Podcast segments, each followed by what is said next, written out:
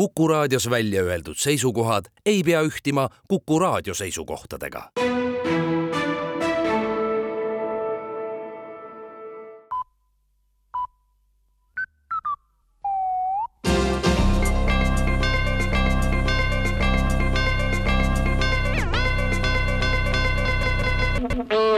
tere kuulama uudiseid stuudios Rohke Deberak kaitsepolitsei on asunud uurima, kustkohast on pärit Riigikogu liikmete kütusekaardid. kontrollitakse versiooni, et neid kaarte jagavad parlamendiliikmetele Vene Föderatsiooni luureteenistused. kütusekaartidega on kogu aeg probleeme, iga nädal tuleb mõni uus kütuseskandaal ja paistab, et kütusekaartidel on ainult üks funktsioon ja see on diskrediteerida demokraatlikult valitud parlamendiliikmeid ja tembeldada nad lõpuks kõik varasteks paljud rahvasaadikud on kõhutunde järgi juba ise ka aru saanud, et kütusekaardid on probleemsed ja püüdnud neist vabaneda, andnud neid edasi teistele inimestele, kuid politsei hoiatab, et nii ohtlike asjade üleandmine näiteks oma lastele ei ole siiski sobilik. kütusekaardid ja kuluhüvitised on kaks teemat, mille peale ei ole hakanud ühegi valitsus ega Riigikogu hammas ja juba see, et iga kord, kui midagi teha püütakse, sumbub see teema kuidagi ära, näitab, et tegemist on keerulise luureoperatsiooniga, märgib kaitsepolitsei esialgne teade valitsuse kannab teada, et vastupidiselt väidetule suudab Eesti alates uuest aastast ringlusse võtta juba pea sada protsenti prügi.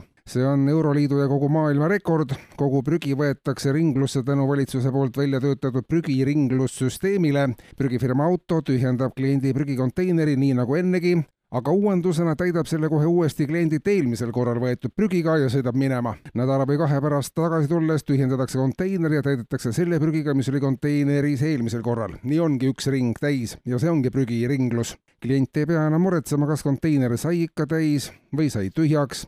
aeg-ajalt tuleb teha uut prügi juurde, sest kõik, mis ringleb, see kulub, ka prügi, kuid suurema osa ajast võib inimene peatselt prügikasti üldse unustada. kogu prügi ringleb ilma tema abita majandusministeerium annab aga teada, et alates järgmisest nädalast hakatakse välja andma südametunnistusi taotlejateks võib olla nii ettevõte kui ametnik ja avalduses peab ära olema toodud ja näidatud, millisel põhjusel südametunnistus kas puudub või millist tegevust südametunnistus segab. eriti on südametunnistust vaja ametnikel ja ettevõtjatel, kes tegelevad või kureerivad sanktsioonide alla sattunud kaubavahetust Venemaaga, sest sellise tegevuse käigus saab südametunnistus igapäevaselt tugevalt kannatada ja seda tuleb regulaarselt uuendada.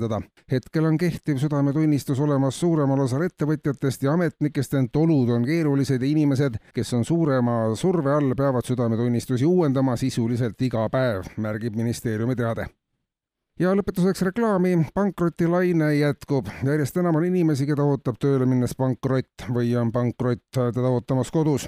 valitsus on esitanud Eesti teadlastele tellimuse pankrotimürgi valmistamiseks ja Tehnikaülikoolile teinud ülesande töötava pankroti lõksu väljatöötamiseks igal teisel Eesti inimesel on selle aasta lõpuks olnud kokkupuude pankrotiga ja mõned ettevõtjad pankrotistuvad täielikult ka ise. töötajate küsitlusest selgub, et mõned ongi juba algusest saadik rotid olnud, söövad kogu aeg töötajate närve ja situvad hinge täis. vastutasuks jätavad ainult augud taskutesse.